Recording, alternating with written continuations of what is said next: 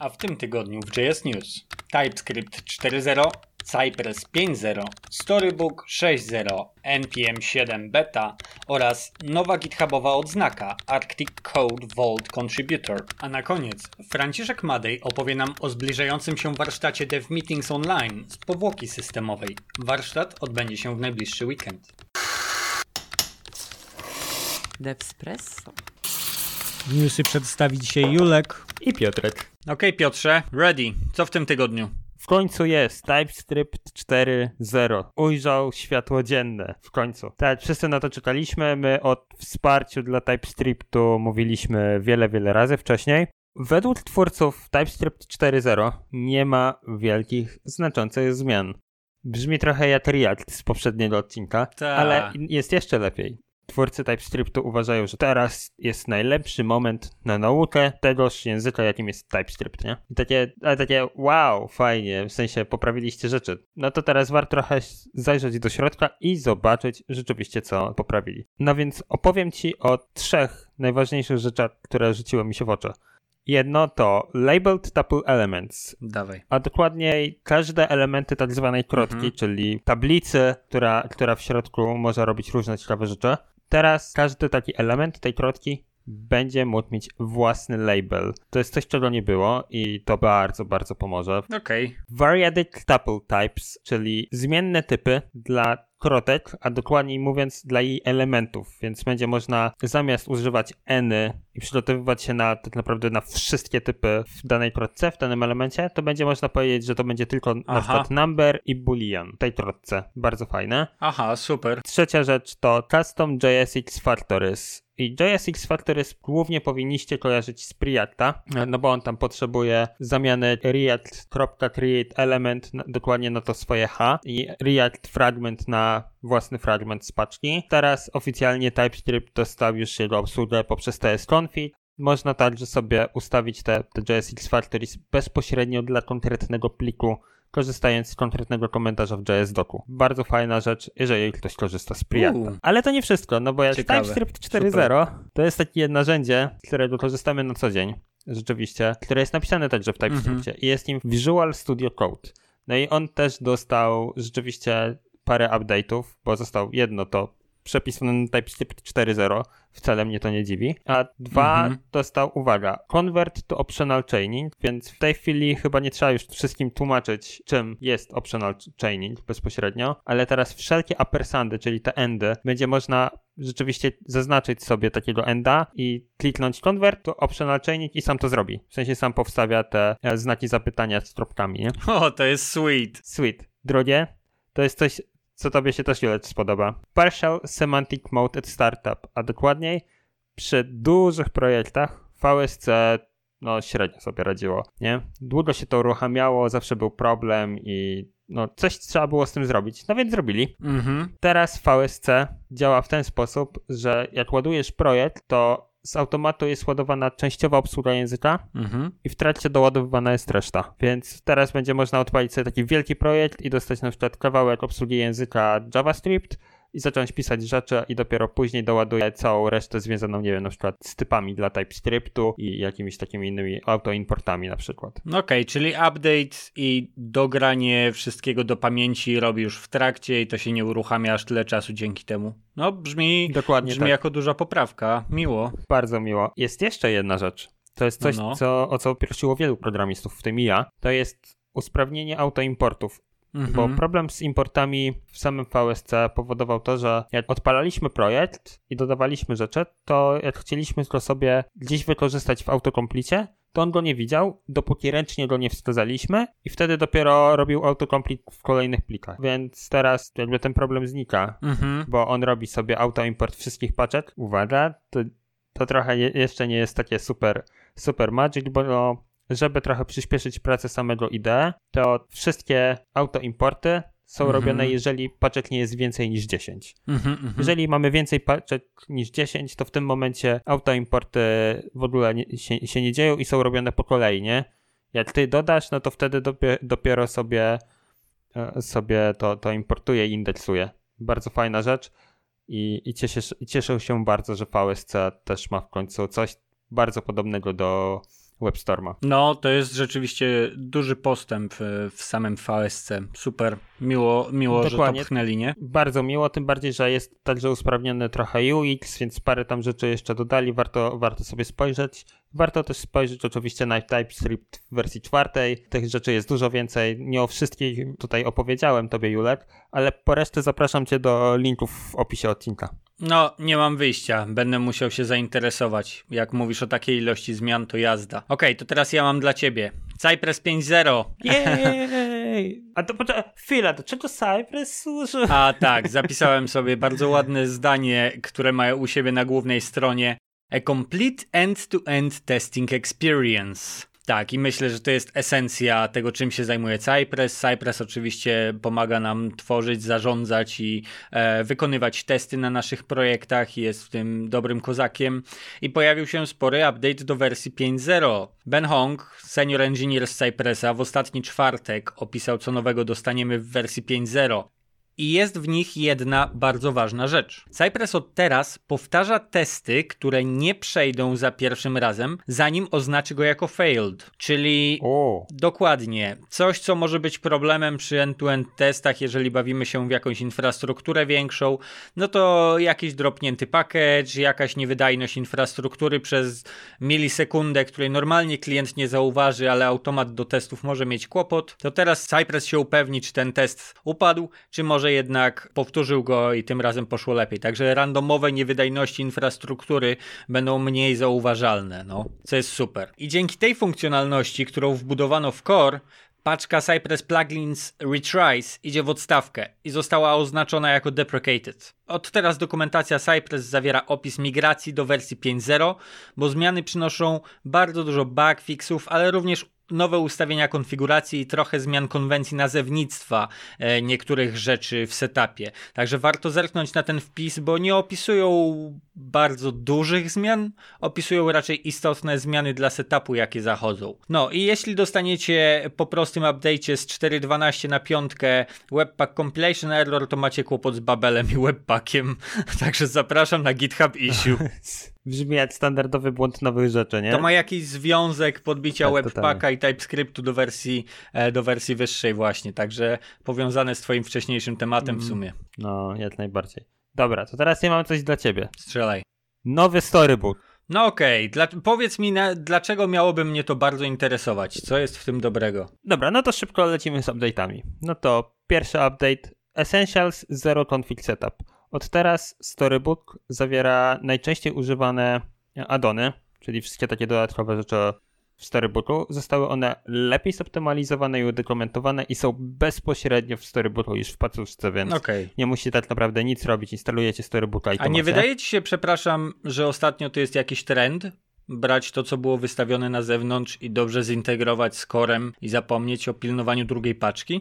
Tak, też mam takie wrażenie, chyba większość tych wielkich narzędzi zaczyna to robić. Najpierw robili, wiesz, mały core i obudowywali go, a teraz po prostu wciągają te rzeczy do siebie. Tak, próba uniezależnienia się od rozwiązań, które są w jakimś innym repozytorium i pilnowanie tego w szachu w jednym projekcie. No ale mniejsza. Wróćmy do, do tego, co w storybooku nowego. Kolejny update Arcs Next Gen Story Format. Dokładnie w tej chwili istnieje coś takiego jak Arcs w samym pisaniu storiesów. Mhm. Będzie można napisać sobie nazwę nazwę naszego komponentu. Przykładowo baton.args równa się obiekt i w tym obiekcie wpisywać konkretnie nazwy naszych argumentów, które przekazujemy bezpośrednio do parametrów w e, komponencie. Okej. Okay. No więc teraz to jest, to jest super. I uwaga, ta rzecz pozwoli na kolejną rzecz. Mhm. Więc kolejny update controls, czyli live coding with no code. I to jest rzecz, która jakby bardzo zmieni, zmieni rzeczy, a dokładnie jest to addon, które sobie instalujemy i dzięki temu możemy zmienić kawałek komponentu, jak on wygląda, Aha. bez napisania ani jednej linijki kodu. W żaden sposób. Na żywo. Więc to jest super. Czy właśnie z edytorów kontentu zrobiliśmy UX designerów? bardziej bym powiedział, że z UX designerzy w końcu mogą zobaczyć, czy ich komponenty są dobrze zaimplementowane. Aha, czyli to jednak jest narzędzie bardziej dla nich, a nie jest to rozwiązanie idiotoodporne, e, żeby każdy mógł sobie myszką wyklikać cały UI, tak? Tak, dokładnie. To jest bardziej na razie na zasadzie, żeby można zobaczyć, czy ten komponent, który został stworzony, to jest zgodny z tym wszystkim. Bez napisania ani jednej linijki kodu, wiesz, pozmieniać jakieś parametry. parametry. I... I jeszcze jedna rzecz. Composition Combine Storybooks, czyli w tej chwili możemy przeglądać i używać komponentów z jednego z innych storybooków, tak rzeczywiście, w naszym lokalnym storybooku i wtedy mieć taką, wiecie, bibliotekę wszystkiego gdzieś wyżej i każdy projekt jest lokalnym takim, taką instancją, która pobiera z tych naszych takich szerowanych storybooków rzeczy. Bardzo fajne. Ogólnie to zapraszam was do update'owania storybooka. Po prostu, bo to jest tak proste jak napisanie npx sb upgrade Tyle. Bardzo miłe zmiany w storybooku, rzeczywiście, e, zwłaszcza z tym przeciąganiem i możliwością sprawdzenia swoich własnych komponentów z poprawkami.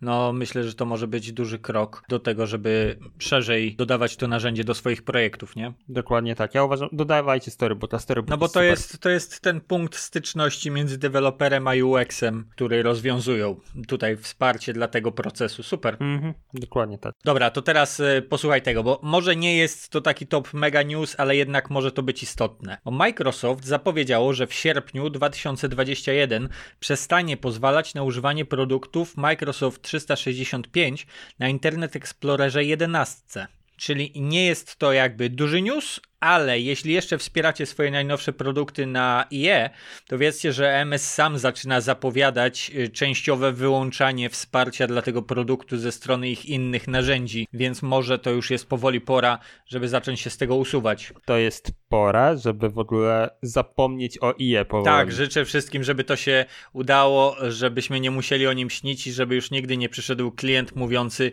musimy wspierać Internet Explorera, bo tylko ta przeglądarka działa na moim komputerze. Oczywiście oczywiście czekamy tego dnia. Dokładnie tak. No, ale jak już przy Microsoftie jesteśmy, to w marcu 2021 zapowiadają również, że, że przestaną wspierać Edge'a sprzed przeniesienia go na silnik Chromium, czyli dla wersji sprzed stycznia tego roku, tak? To pamiętamy, weszła styczeń, luty, mm -hmm. jakoś beta i szybko release. Przepisanie na Chromium to właśnie zapowiedzieli, że od przyszłego roku, no już nie tak, nawet bliżej, z 9 miesięcy mamy, nie będą już wspierać w ogóle tej przeglądarki. I bardzo dobrze. A jak już przy Microsoftie jesteśmy, to mam więcej informacji, bo pokazali również bardzo ładnie zrobioną stronę prezentującą ich open source'owe rzeczy wymieniają i chwalą się bardzo ładnie projektami open source po prostu. I na przykład znasz projekt Fast? Bo to jest ciekawe, jak tam wszedłem. Fast? Nie, nie mówimy o fast.com.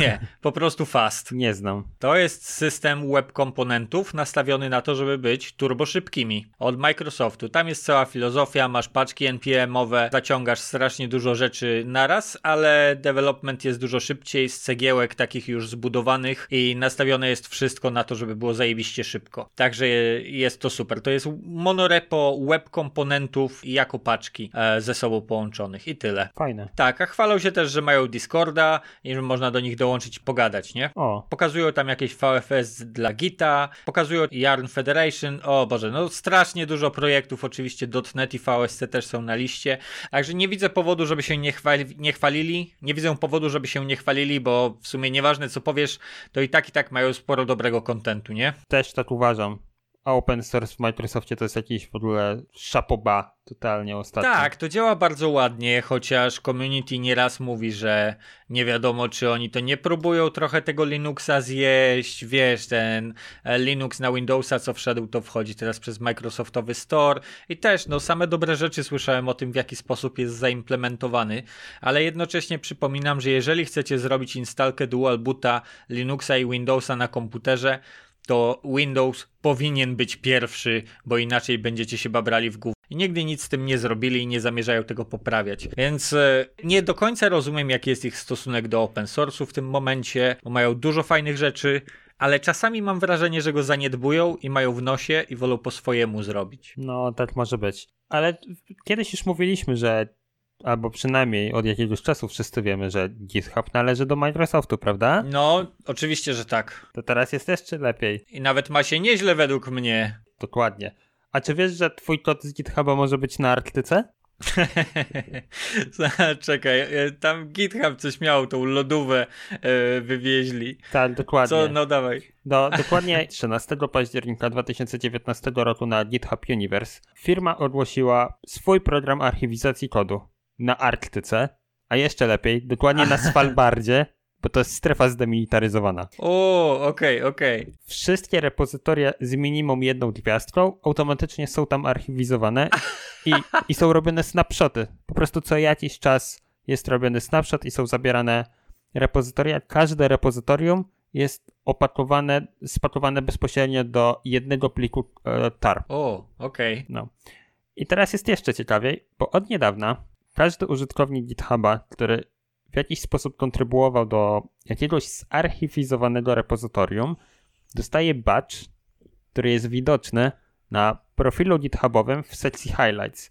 Więc możecie sobie wejść bezpośrednio na swój profil ten publiczny i zobaczyć dokładnie z lewej strony jest highlights i zobaczyć sobie. No jak tak mówisz, to ja muszę wejść. Wejdź jak najbardziej najedźcie na niego myszką, bo dokładnie wtedy na ten batch, jeżeli najedziecie myszką i ty też Julet, jeżeli najedziesz myszką, to będziesz widział Aha. swoje repozytoria, które zostały zarchiwizowane, w sensie swoje w cudzysłowie, bo, bo to chodzi o te, w których się kontrybuował. Hey, to słuchaj, jest miło, jest jedno moje repozytorium, jedno repozytorium zupełnie obcego gościa, któremu kiedyś poprawiłem literówki w dokumentacji i jest repozytorium, którego nie pisałem, ale dołączono mnie po dołączeniu do tego zespołu.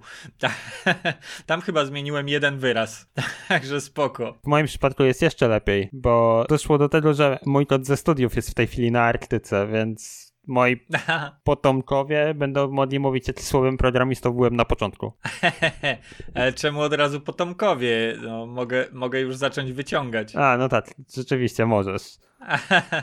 ale, ale bardzo ciekawe. E, bardzo ciekawe. Też mam tego badża, bardzo się cieszę. Super jest mieć dodatkowe badże na, na GitHubie. Bo też to do CV highlights. Art, e, Arctive tam e, contributor, nie? Właśnie, contributor. Bardzo dobry pomysł. Okej, okay, to ja jeszcze mam dla ciebie taką miłą i ciekawą informację. To jest to jest jednak spora rzecz, ale jednocześnie to jest zupełnie niespora rzecz. Dwa dni temu, we środę, pojawił się bardzo cichy update NPM'a. NPM wyszedł z wersją 7.0 beta.5. Warto z bloga dowiedzieć się, co tam znajdziemy. A co tam znajdziemy? Najpierw dostaniemy wytłumaczenie autorów, czym jest Semver i co, co oznaczają major release'y, tak zwane breaking release'y. I najpierw zaczynają od tego, że tłumaczą nam, że to wcale nie musi niczego psuć, ani wcale też nie musi dostarczać jakichś wielkich funkcjonalności. Więc już na dzień dobry dostałem wytłumaczenie na temat tego, co robią, i było to dla mnie ciekawe, zupełnie niepotrzebne, bo zajęli się bardzo mocno poprawieniem jakości. Hmm. Także nie dostarczają nowości w sensie dodatkowych feature'ów w tym momencie, ale usprawniają ostro i udoskonalają działający system. Myślę, że to jest doskonałe, bo maintenance, jak wiemy, jest potrzebny, jeżeli projekt trwa jakiś dłuższy czas, a oni tutaj na bieżąco to robią. Także to jest według mnie dobra wiadomość, ale to nie koniec bo beta dostarcza na przykład pierwszą fazę wsparcia dla workspaces. Także mamy, mamy mieć od tej pory workspaces w NPM-ie w wersji 7 i co istotne, to jest pierwsza faza, a beta releasy są zapowiedziane od tej pory, że będą wychodzić co tydzień. Więc w najbliższym którymś beta release kolejnym możliwe, że kolejna faza workspace'ów dojdzie, no nie? Oj, Więc fajnie. zadeklarowali się tutaj, no zadeklarowali się tutaj mocno, że co tydzień będą robić beta releasy i to oczywiście no jest betą ale nadal jest już jakoś dostępne do klikania, sprawdzania i coś robienia. No i ostatnia rzecz to przepisali NPX-a. NPX będzie deprecated w momencie, kiedy NPM wyjdzie w wersji 7.0 e, dostarczonej do general, e, jako General Availability. No i wsadzili go po prostu do środka NPM-a i koniec. No. A reszta zmian to serio nic mi nie mówi, co zrobili. Jakieś flagi można do dziwnych rzeczy dodać przy uruchamianiu serwerów, jakieś cuda na kiju. To tyle właściwie z tego. Dopóki to nie wyjdzie w wersji oficjalnej, to beta mnie nie interesuje. Na wszystkim używasz bety, a to cię nie interesuje. Ta beta po prostu jest jakaś taka nieciekawa. Nie no, to, tak, ta beta po prostu mnie nie interesuje. Jakby Workspace jest bardzo fajnie, cieszę się. Wiarnie są od dawna. Ja na co dzień korzystam z Jarna, a nie z NPM-a. Więc mm-hmm. rzeczywiście jakby tam, tam to działa i cieszę się, że w końcu NPM będzie też miał jego, ich obsługę. Tak, no zaczynają dostarczać nowe funkcjonalności. A teraz obiecane wcześniej 5 minut z Frankiem. Cześć Franek, świetnie, że do nas dzisiaj dołączyłeś. Cześć, mi też jest bardzo miło. Pierwsze pytanie brzmi, z czego będziesz prowadził warsztat i czego uczestnicy mogą się na nim dowiedzieć? Warsztat będzie z nieco bardziej zaawansowanych technik wykorzystania powłoki przy programowaniu. To jest coś takiego, z czym się spotkałem parę razy w swojej krótkiej jeszcze karierze, czyli uniwersalność. To znaczy powłoka jest wszędzie, jest w każdym systemie można ją wykorzystać dowolnie, przy dowolnym języku programowania, a pozwala nam skrócić wiele operacji. To brzmi super, przede wszystkim dlatego, że nie rozumiem o czym mówisz. Roz rozmawiasz z frontend deweloperem, a mówisz do mnie o powłoce. Bardzo ciekawe. Co to jest? Powłoka to jest po prostu sposób, w jaki. To jest interfejs systemu, innymi Linux, ale też e, innych systemów Unixopodobnych. I tak naprawdę to jest interfejs command, wpis, command. Wpisujemy sobie, co chcemy dostać i to dostajemy. Czy to jest tłumaczone jako terminal? E, w dużym uproszczeniu można tak powiedzieć. Bo terminal po prostu pozwala ci się dostać do powłoki, a tak naprawdę terminal to kiedyś dawno, dawno temu to były takie komputerki, które pozwalały ci się dostać do komputera, no i do tego w sensie do tego systemu. No i teraz on wyglądał tak, że miał 80 klawiszy, miał specyficzny ekran, Aha. to był właśnie terminal, stąd ta nazwa. A teraz mamy takie małe okienko, które nazywamy terminale i on pozwala nam dostać się do powłoki, ale można go też wykorzystać do różnych powłok, bo są też różne typy powłoki. Dobra, to ja jeszcze szybciutko tylko sprawdzę, czy jestem zapisany na ten warsztat, bo, bo brzmi mega. Powiedz mi jeszcze, co zamierzasz przerobić w ramach warsztatu? Mm, na początku wprowadzę w kilku krótkich słowach do tego, czym właśnie jest powłoka, co już będzie mało powtórku dla tych, co słuchali podcastu, a dla tych, co nie słuchali, będzie ich pierwszym razem. E, tam pokażę, jak na szybko nawigować po systemie, jak wykorzystać podstawowe, tak naprawdę podstawowe funkcje Basha. I na to będzie kilka pierwszych zadań, żeby każdy mógł się szybko oswoić. Postaram się też przygotować e, takie skrótowce, które będą pozwalać te zadania wykonywać nawet jeżeli ktoś zapomni. Bo to jest, jakby problem z powłoką, problem z jest taki, że trzeba znać wiele rzeczy, które są bardzo proste, ale jest ich wiele. Oczywiście. No i teraz y, w trakcie tych warsztatów, tak jak mówiłem, będziemy, na początku zaczniemy od prostych rzeczy, żeby każdy mógł, że tak powiem, nadrobić ewentualne braki, a potem przejdziemy do bardziej skomplikowanych. Staram się przygotować takie scenariusze, z którymi możemy się spotkać w naszym programistycznym życiu. Pokażę, jak obrabiać to, co za kolejne jest, wydaje mi się bardzo przydatne i z czym się mierzy każdy, zwłaszcza na frontendzie i backendzie takim naszym webowym, to jest y, radzenie sobie z JSONami. Mm. I to w konsoli można bardzo ładnie obrobić, wykorzystując już te narzędzia, których nauczymy się w pierwszej części, również y, wykorzystując je właśnie w innym celu. To będą takie dwa główne zastosowania, jakie e, chciałbym mhm. pokazać. No i na samym końcu pokażę też kilka narzędzi, które uprzyjemnią nam e, korzystanie z powłoki, czyli Aha. to, co w pierwszej części wykorzystamy, znaczy nauczymy się, to teraz rozszerzymy mhm. znacząco. Świetnie, to wszystko brzmi ekstra, bo wydaje mi się, że frontendowcy czy javascriptowcy też spotykają coraz więcej problemów związanych z pracą na chmurze, gdzie po prostu dostajesz dostępy do maszyn postawionych gdzieś wirtualnie no tak. i to jest miejsce, gdzie troszkę nie ma wyjścia, ale sprawdzamy wtedy na Stack Overflow, jak wyjść z V, no nie? Tak, to jest... No, no to, to też pokażę, postaram się pokazać, jak wyjść z V.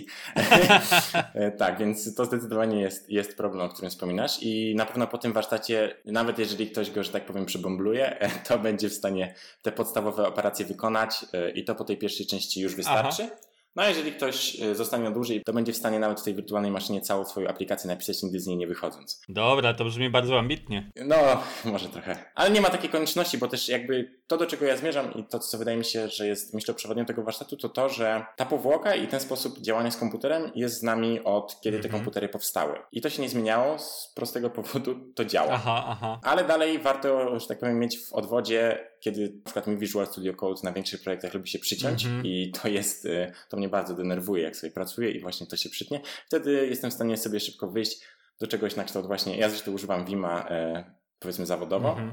Więc potrafię wtedy sobie cofnąć do tego Vima i spokojnie przejść przez projekt, a Vim się nie zatyka na żadnych plikach, nie zatyka go nic. Więc wtedy jestem szczęśliwy i, i, nie mam tej frustracji, że jestem nieproduktywny. Sure, no, oczywiście. VST ma w, ma w zwyczaju się przyciąć czasami, chociaż tak, i tak już tak. to trochę poprawili. Ja używałem długo Atoma i powiem szczerze, że i tak skok z Atoma na e, VS Code jest super. I to jest naprawdę szybka sprawa, bardzo mi się to podoba. No ale niemniej jednak to dalej jest technologia jaka jest, a ciężko jest po prostu być szybszym niż renderowany tekstowo program napisany w C. No tak, a pamiętam jak Atom przecinał się jeszcze, jeżeli projekt był większy niż 10 megabajtów i, i nie oj szło. Tak, oj tak, to było no bardzo smutne no doświadczenie, właśnie. bo kochałem ten edytor. Dzięki wielkie, że wpadłeś do nas opowiedzieć o następnym warsztacie, jaki się zbliża w ramach Dev Meetings. On będzie w sobotę przed południem, prawda? Tak, zgadza się dokładnie, e, w tę sobotę, Świetnie, 29. świetnie. No Mhm. to dzięki, że wpadłeś i zapraszam w naszym imieniu. Tak, ja również e, bardzo miło, dzięki za zaproszenie, no i gorąco wszystkich zapraszam. Julek się skusił, więc mam nadzieję, że wy też. Na dzisiaj to chyba już koniec. Dzięki wielkie Piotrze i do usłyszenia za tydzień. Do usłyszenia.